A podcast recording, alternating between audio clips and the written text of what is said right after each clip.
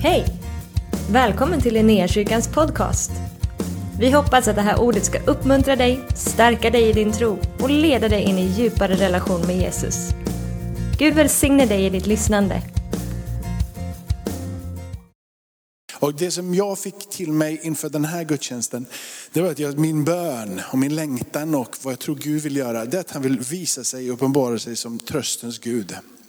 Om vi nu har tröst i Kristus, säger Paulus. Och om ni nu har, skulle jag vilja hjälpa er att förstå eh, utifrån de texter som ligger eh, utifrån den här dagen. Om ni nu, om ni nu, om ni nu, är egentligen ingen fråga ifrån Paulus.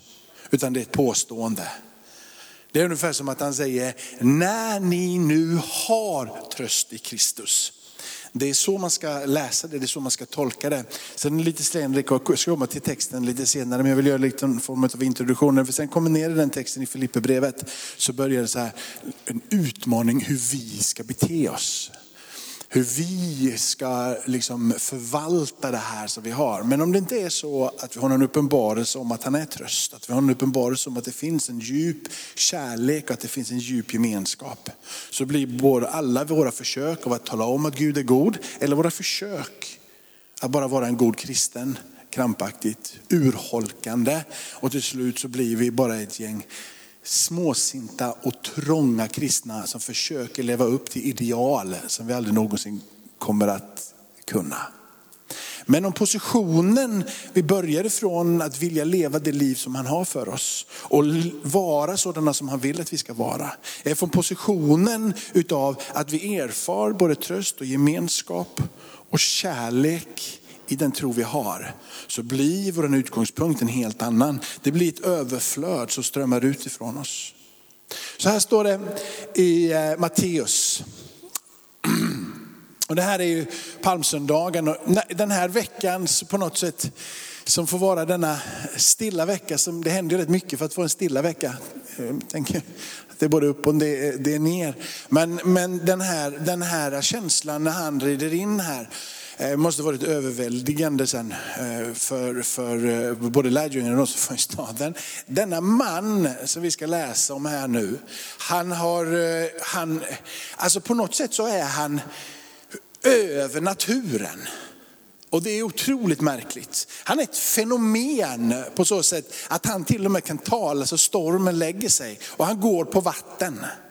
Han tar eh, några fiskar och några bröd och han förvandlar detta lilla till mat till, till 5000. Är det nog med det denna man som är helt orimlig på något sätt och märklig på alla sätt. Väcker upp döda. Han botar sjuka, döva, stumma, blinda, lama, får kraft och syn och hörsel.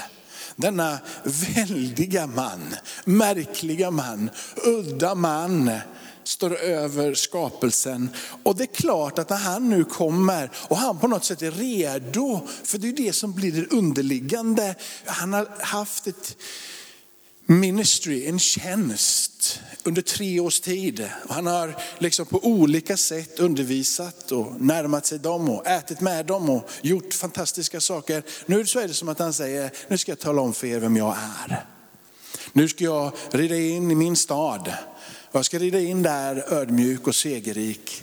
Denna komplexa både och verkligheten som finns i den tro som vi bär. Det vill säga att vi båda är tjänare men också med kungavärdighet. Vi får också stå där och falla ner och gråta och hämta kraft vid korset genom bara nåd. Men vi kan också frimodigt gå in i det allra heligaste och bara säga, Gud, här är jag. Och jag vet att du älskar mig. Jag vet vilken plats jag har tillsammans med dig. Jag kan röra mig på den här platsen frimodigt och kaxigt. Som Rudi säger. Och tala fritt ifrån mitt hjärta och säga Gud ge mig det här och jag ska följa dig. Och Gud svarar. Den här både och känslan är fantastisk tillsammans med Gud. Men också ibland otroligt frustrerande. För på samma sätt som vi kan gråta inför honom, jubla inför honom under flera omgångar under samma dag, känns det som ibland. Och lite av det tycker jag att Stilla veckan introducerar för oss. Under sju dagar så är det jubel. Han går in i tempel och talar om vilken auktoritet han har och frågar vilken auktoritet gör du detta? De ifrågasätter honom, han blir förrådd, han käkar den sista måltiden med lärjungarna. Han är i ett semane, inte min vilja, din vilja. Han blir slagen, han blir pinad, han blir krossad, han blir dödad. Han blir upphängd, han läggs i graven och han uppstår ifrån de döda. Och sju dagar resa som präglas av både skratt, gråt, förundran och jag är helt häpen över vem denna man är. När de nu närmade sig Jerusalem och kom till Betfage vid Olivberget så sände Jesus iväg två lärjungar. Och han sa det till dem, gå in i byn där framför er, där ska ni genast finna en åsna som står bunden med ett föl bredvid sig. Ta loss dem och led dem till mig. Och om någon säger till er så ska ni svara, Herren behöver dem. Och han ska strax skicka iväg dem.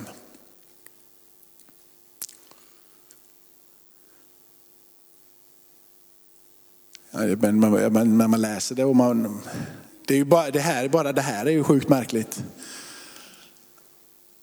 När, speciellt när vi vet vad som händer, att de kommer dit och de får det här. Och de bara säger, våran Herre behöver det här. Och så bara släpper de dem. Undrar när han kände dem. Eller, man undrar ju liksom hur, hur, hur Jesus hade sån sjukt koll. Liksom, eller? Vi bara läser det här så bara tänker vi att palmsöndagen. Det är otroligt märkligt. Vi tror på detta. Eller jag, så känner jag, och jag får liksom kämpa ibland. Ska jag tro på detta? Ska jag tro på att det gick på vatten? Ska jag tro på? Men det finns inget alternativ, för att om man inte har gjort det så har vi ingenting. Om inte han har uppstått ifrån de döda så kan vi likväl gå hem och sitta här och hålla om varandra. Men om han har dött, om han har uppstått, så är det värt det. Att ta reda på, är Gud god? Och hur fungerar hans godhet? Och detta hände för det som var sagt genom profeten skulle uppfyllas. 500 år tidigare så profeterar Sekarja. Säg till dotter Sion, se din kung kommer till dig. Ödmjukt ridande på en åsna, på, ett, på en arbetsåsnas föl. Alltså hur långt är 500 år? Jag kan ju tycka att alltså, jag, har, jag har varit här i den här kyrkan i åtta år och det känns nästan som att jag inte kommer ihåg vad som hände innan. Nu snackar vi 500 år. Och Jesus stiger in och uppfyller denna profetia. Lärjungarna gav sig iväg och gjorde som Jesus hade befallt. De hämtade åsnan och fölet och lade sina mantlar på dem och han satte upp. Den stora folkskaran bredde ut sina mantlar på vägen. Andra skar kvistar från träden och strödde dem på vägen och folket, både de som gick före honom och de som följde efter ropade Hosianna, Davids son. Välsignade han som kommer i Herrens namn, Hosianna i höjden. När han drog in i Jerusalem så kom hela staden i rörelse. Och så frågar man, vem är han? När han drog in, jag bara liksom, han drog in, vi, vi tänker att det är någon som drar in i Göteborg. Så någon drar in i Göteborg, någon som, någon som uppenbarligen är, men vem är han? Känns lite som att om du vet vem det är som kommer så är det lätt att få hela staden i rörelse. Eller? Det måste vara någon form av ett föregående rykte. Det är inte så att vi bara, det var ju, eh, en nobody kommer in här och så rör sig hela Göteborg. Det känns orimligt. Men om det föregår ett rykte av att det är någon som är på gång in och han har gjort det här och det här och det här och det här och det här och det här. Så kan hela staden komma i rörelse. Det är ju så vi, som vi får läsa det. Inte bara för att han helt plötsligt stod där borta och så, så började röra sig utav virvelvindar i staden som gjorde att uppmärksamheten drogs ditåt. Utan det föregås utav ett rykte. Folk hade hört hans namn, hade hört vad han hade gjort i tre års tid. Hade han vandrat ifrån by till by, från plats till plats och gjort enastående saker. De var nyfikna på, vem är han? Han är på gång in i staden. Och denna gången så gör han det ödmjukt ridande på en åsna, men också segerrikt. Han är redo på något sätt, på sitt eget sätt, på Jesus sätt, att tala om vem han är. Inte sådär som du och jag skulle göra det idag genom TikTok eller vad det nu är, må vara. Liksom, och så gör vi någon cool grej och så talar vi om vilka vi är. Så. Utan, utan han gör det på sitt sätt. Det är lite grann samma sak igen. Det är både och. Det är fullständigt enastående och häpnadsväckande. Men det är också lite, lite väl dramatiskt. Nästan lite, lite, ja, om han nu ska vara denna fridsförste som vi sen läser vidare till exempel i Sakarja 9 och vers 10. Detta fridsrike som ska komma. Det ska komma en frid genom den här mannen. Liksom. Det ska strömma sig över hedna folken. De förväntade sig en krigsherre som skulle gripa in och med makt och med myndighet kunna styra folket med militära vapen. Och så är det som att nu så kommer han, den här ståtlige, starke konungarnas konung och herrarnas herre. Och så gör han det på ett helt annat sätt. Det är lite både och hela tiden med Jesus. Vem är han? Och folket svarade, det är profeten Jesus från Nasaret i Galileen. Min, min, min bön inför det här är, jag ska försöka ta ifrån Filipperbrevet 2 och göra en liten kort presentation om den här, om den här Jesus. Vad Bibeln säger, att, säger att, han, att han är. Men min bön är att om du aldrig fått uppleva han som tröstens Herre, att du skulle få uppleva honom som tröstens Herre. Jag har pratat många gånger om frid. Här. Frid som övergår allt förstånd och frid på så många olika sätt. Så jag tänker lämna det. Men jag skulle vilja att han nu fick uppenbara sig för dig som tröstens Herre. Han som tröstar dig när du gråter. Han som tröstar dig när du inte vet var du ska ta vägen. Han som tar dig i handen och leder dig tillbaka på vägen. Han som kommer där när du känner dig rädd och ensam och inte vet var du ska ta vägen. Och så sätter han sin barmhärtighet i din hand och omfamnar dig med sin... Det är min bön. Och jag tror att vi alla längtar efter, kommer ni ihåg vad jag sa förra söndagen? För er som inte var här så jag en kort repetition. Jag pratade om lite granna under den predikan om prövningar, hur man tar sig igenom det här. Om tro och tro, vad är det? Det är ju den här tron som blir oss given i, i Kristus. Tron som tar oss bort ifrån mörkrets välde, tron som för oss in i Guds rike. Tron som introducerar dig och mig för Jesus. Tron som frälser oss. Tron som liksom sätter riktningen hur vi väljer att förhålla oss till livet. Tron kommer till dig och så säger du, nu vill jag röra mig mot Gud. Tron är någonting som gör att du vänder dig och att du sträcker dig mot honom. När du kommer in på den resan, trons resa, trons väg, så börjar du helt enkelt bli lite nyfiken på vad innebär den här tron för mig? Det är det som kommer sen. Du blir frälst, du bara känner alla bördor är borta och du gråter av lättnad och du bara känner att jag är fri. Och så bara, vad är det här för någonting? Och så tänker du, nu måste jag ta reda på vad det här är. Så börjar en trons resa och en vandring. Och det som händer då, om man ska utgå ifrån det som Paulus säger, när han försöker göra en riktning i det här så pratar han egentligen om tron, som för oss in på den här platsen. Och sen har du ett hopp och sen har du störst av dem är kärleken. Och så försöker han göra han det i sina olika brev på lite olika sätt. Det jag nu sa var ett citat ifrån första Korinthierbrevet kapitel 13 och vers 13. Men, men där då så tron som leder in och så kommer hoppet där, hoppet mitt i. Och vad är hoppet för någonting? För förra veckan då så pratade vi om att, att liksom, vi ska vara liksom bara glada i våra lidanden och prövningar och alltihop. Och hoppet liksom, det håller oss vid liv där. Men hoppet är bra mycket djupare än att du bara hoppas lite på någonting. IFK spelar nu och jag hoppas att de vinner. Men det är bra mycket djupare än så. Hoppet i Kristus handlar om att när tron har rört vid dig och du har tagit emot, blivit frälst och fört dig in och bara, vad är det det här betyder för mig? Vad, vad innebär det att få vara kristen? Och helt plötsligt så börjar du upptäcka att faktiskt Bibeln och livet med Gud säger att han är med dig. Han är på din sida. Det finns en framtid för dig. Att han har goda tankar för dig. Och helt plötsligt så börjar du se att det finns löften om hur livet med Gud ska te sig och vara. Och löftena gör att hoppet om framtid, hoppet om att Gud är med, hoppet om att det finns en himmel, hoppet om att det finns läkedom och hälsa. Hoppet där gör att du väcks, att du blir stark.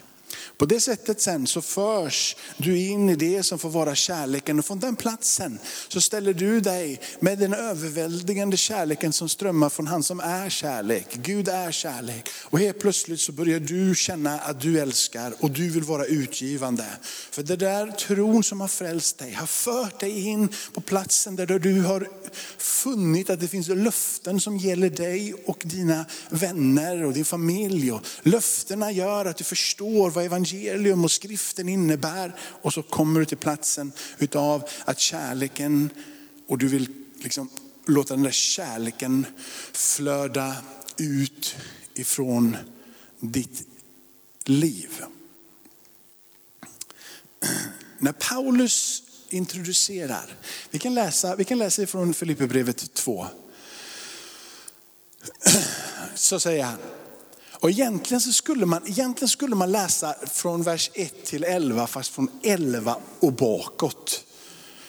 Så när du kommer, börja för, för vers, vers 11, kan vi ta vers 11 fram? Så, så, och alla tungor ska bekänna att Jesus Kristus är Herre, Gud Fadern till ära. Det är han som rider in i Jerusalem. Liksom. Och så skulle man liksom få, få en förklaring baklänges. Men jag tänker att jag försökte ändå tala om lite här i början vad det, vad det är vi är på väg för någonstans.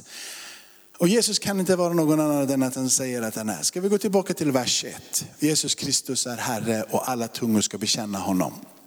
Och så här, om ni nu har tröst hos Kristus, och om du känner Paulus och du känner vad han skriver till för några människor, så skriver han till sådana som är ganska utsatta för hårda tester och prövningar och förföljelse för sin tro.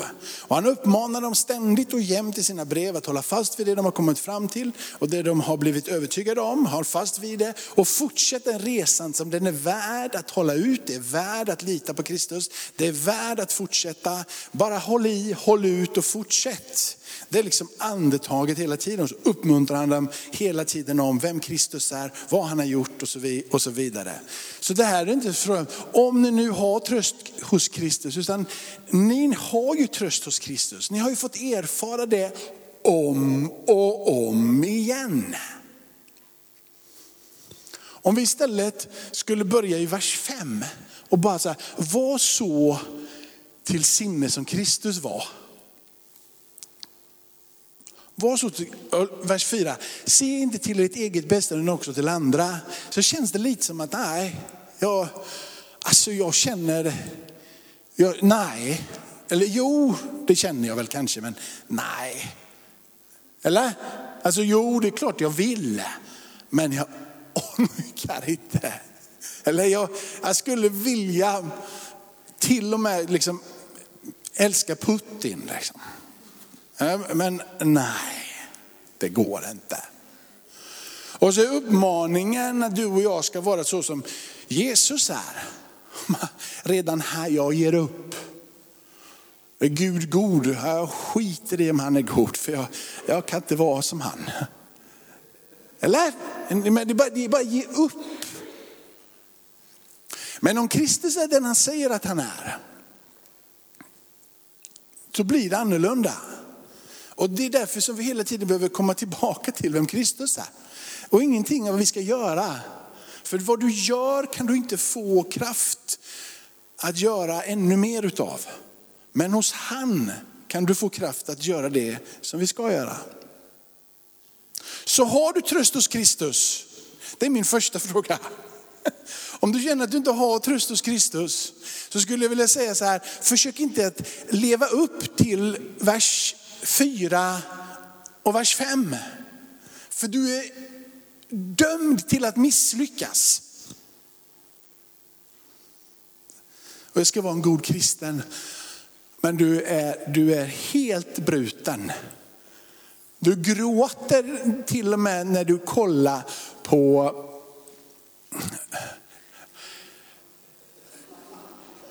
bananer i pyjamas. Liksom. Eller Lilla Aktuellt. Alltså, du, du, har, du är så brusten så du bara gråter.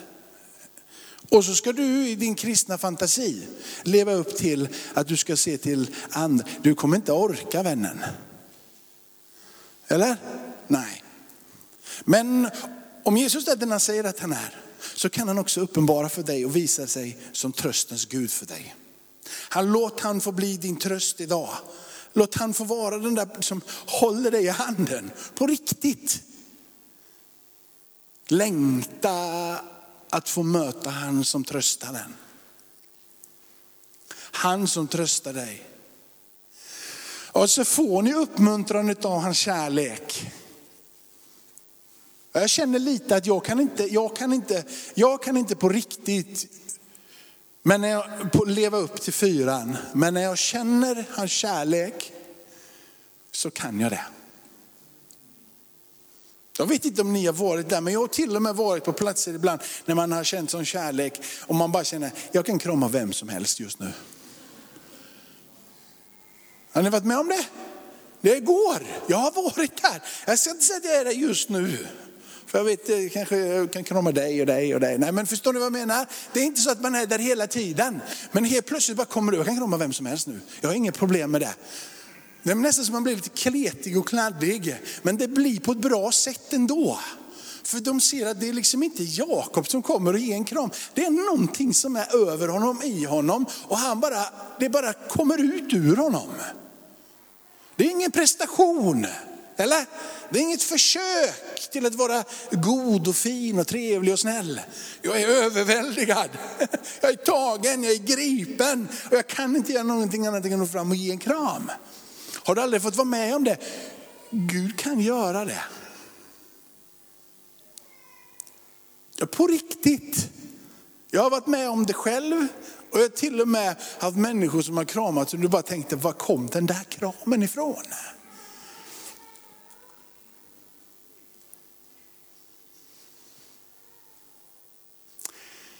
Gemenskap i anden.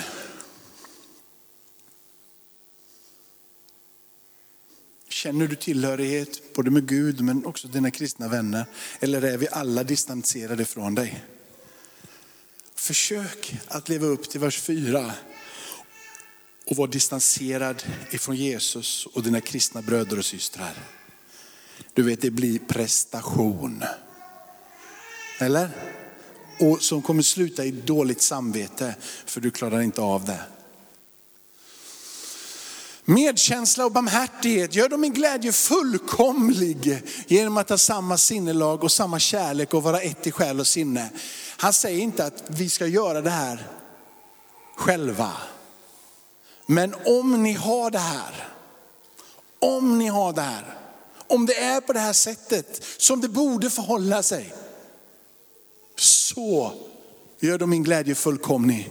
Du vet att det är inte så att det är Jakob eller Paulus eller någon annan ledare i någon annan kyrka någonstans som kommer, det här vill jag att ni ska göra. Det här vill jag att ni ska göra. Det här vill jag att ni ska, göra så här, så här och så här ska ni bete er och så här ska ni leva upp till. Och vi har de här drömmarna, de här visionerna och vi ska göra det här. Och kom igen nu, nu kör vi så det ryker. Och liksom den där känslan utav att det är det vi säger, det vi gör. Paulus gör inte det här. Gör då min glädje fullkomlig. Han landar i först, om ni nu har tröst hos Kristus, om det nu förefaller sig på det sättet att ni har uppmuntran utav hans kärlek. Om det verkligen är så att ni umgås med den heliga anden ni har en stark gemenskap där. Om det är så att ni upplever medkänsla och ni känner att det finns en barmhärtighet som bär er och att Gud ser er, så kan ni faktiskt tillsammans med mig gå ut och göra det här.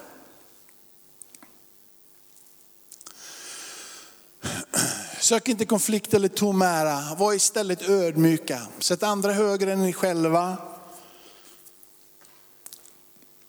Vet inte, man behöver inte säga så mycket om de här grejerna för det är bara... Känns som att ja, jag behöver hjälp. Eller? Vill inte, jag kan inte stå här och predika och ge dåligt samvete, liksom, för det är bättre att bara säga jag behöver hjälp. Ja, men jag ska ödmjuka, jag behöver hjälp. Jag behöver hjälp både, både sju dagar i veckan och 24 timmar om dygnet.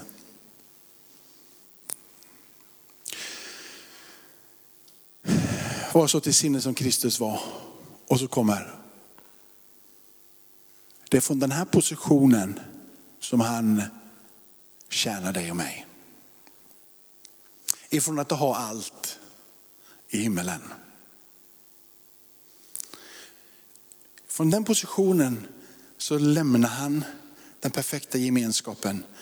Från den positionen av att ha allt från den positionen av att vara i den perfekta härligheten och har varit i alla tider, i evigheternas evigheter. Han har funnits för alltid.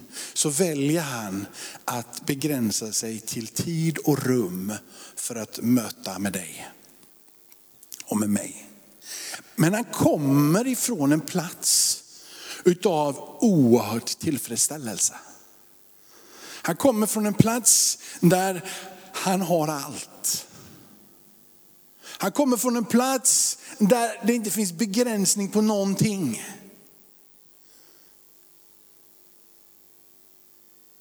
Och så stiger han ner.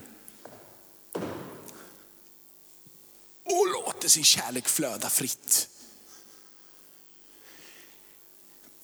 Det är från den platsen och positionen som du är satt att tjäna.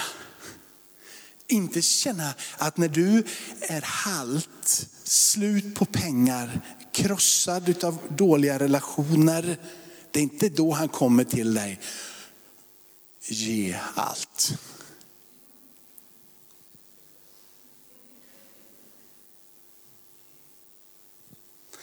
Men om du frimodigt kan stå där och säga att jag har faktiskt tröst hos Kristus.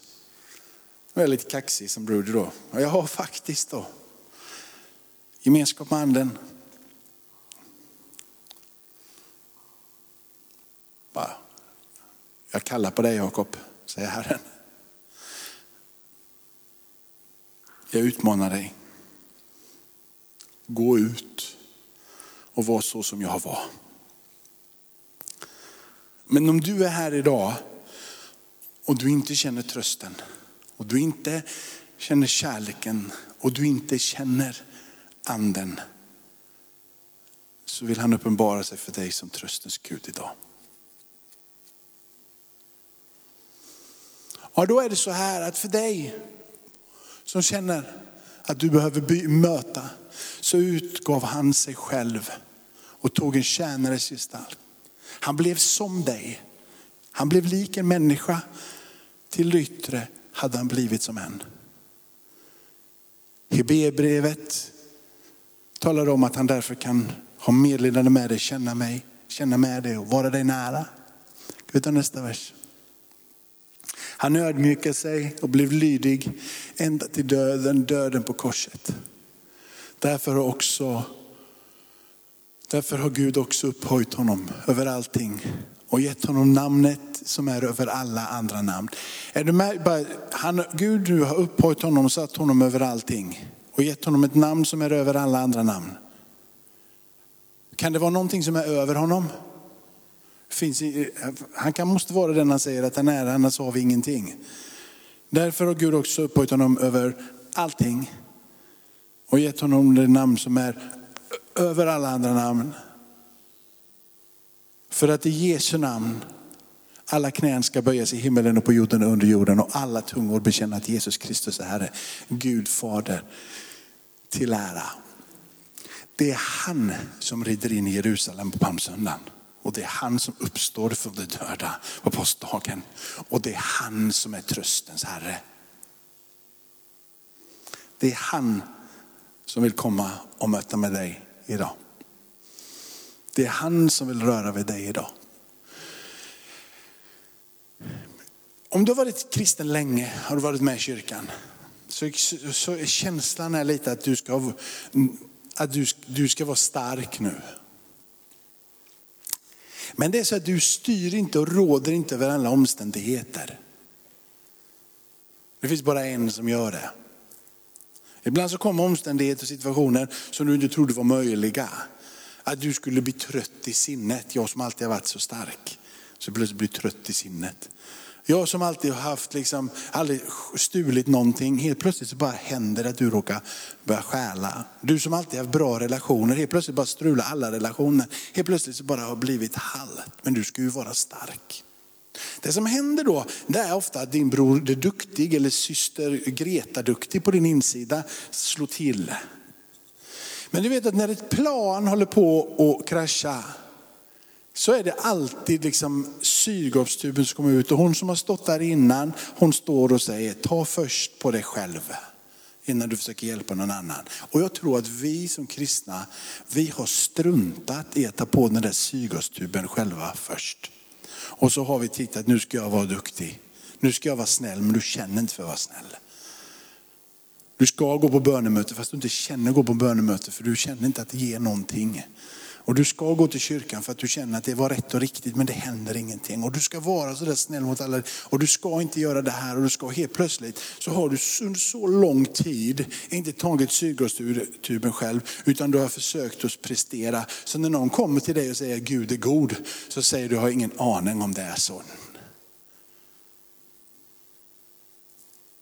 Eller har blivit en floskel eller har blivit liksom någonting som du försöker. Men om vi bara får bara säga, jag tänker ta den där, alltså, jag, tänker, jag tänker vara en egoist när det kommer till att möta Jesus. Så är det inte så att du kommer stanna där. För alla lärjungar till Jesus blir utgivande. Om du borde ha kommit längre, ja det borde jag möjligtvis ha gjort, men jag har inte kommit längre. Jag behöver fortfarande han som tröstens Herre just nu. För omständigheterna har tagit mig på en resa där jag är halt och bruten och jag hoppar på kryckor just nu för jag kommer inte vidare. Han vill visa sig som tröstens Kristus, tröstens Herre, tröstens frälsare, tröstens räddare. Han vill vara där så du kan få tillbaka det livet som Gud har för dig. Kan vi be tillsammans? Tackar dig Herre att du fick rida in den här dagen i våra liv som tröstens Herre. Det är min bön och det var när jag, när jag läste det här idag och när jag tänkte att det här, det här är det du vill säga Herre så, så känner jag bara tröstens Herre.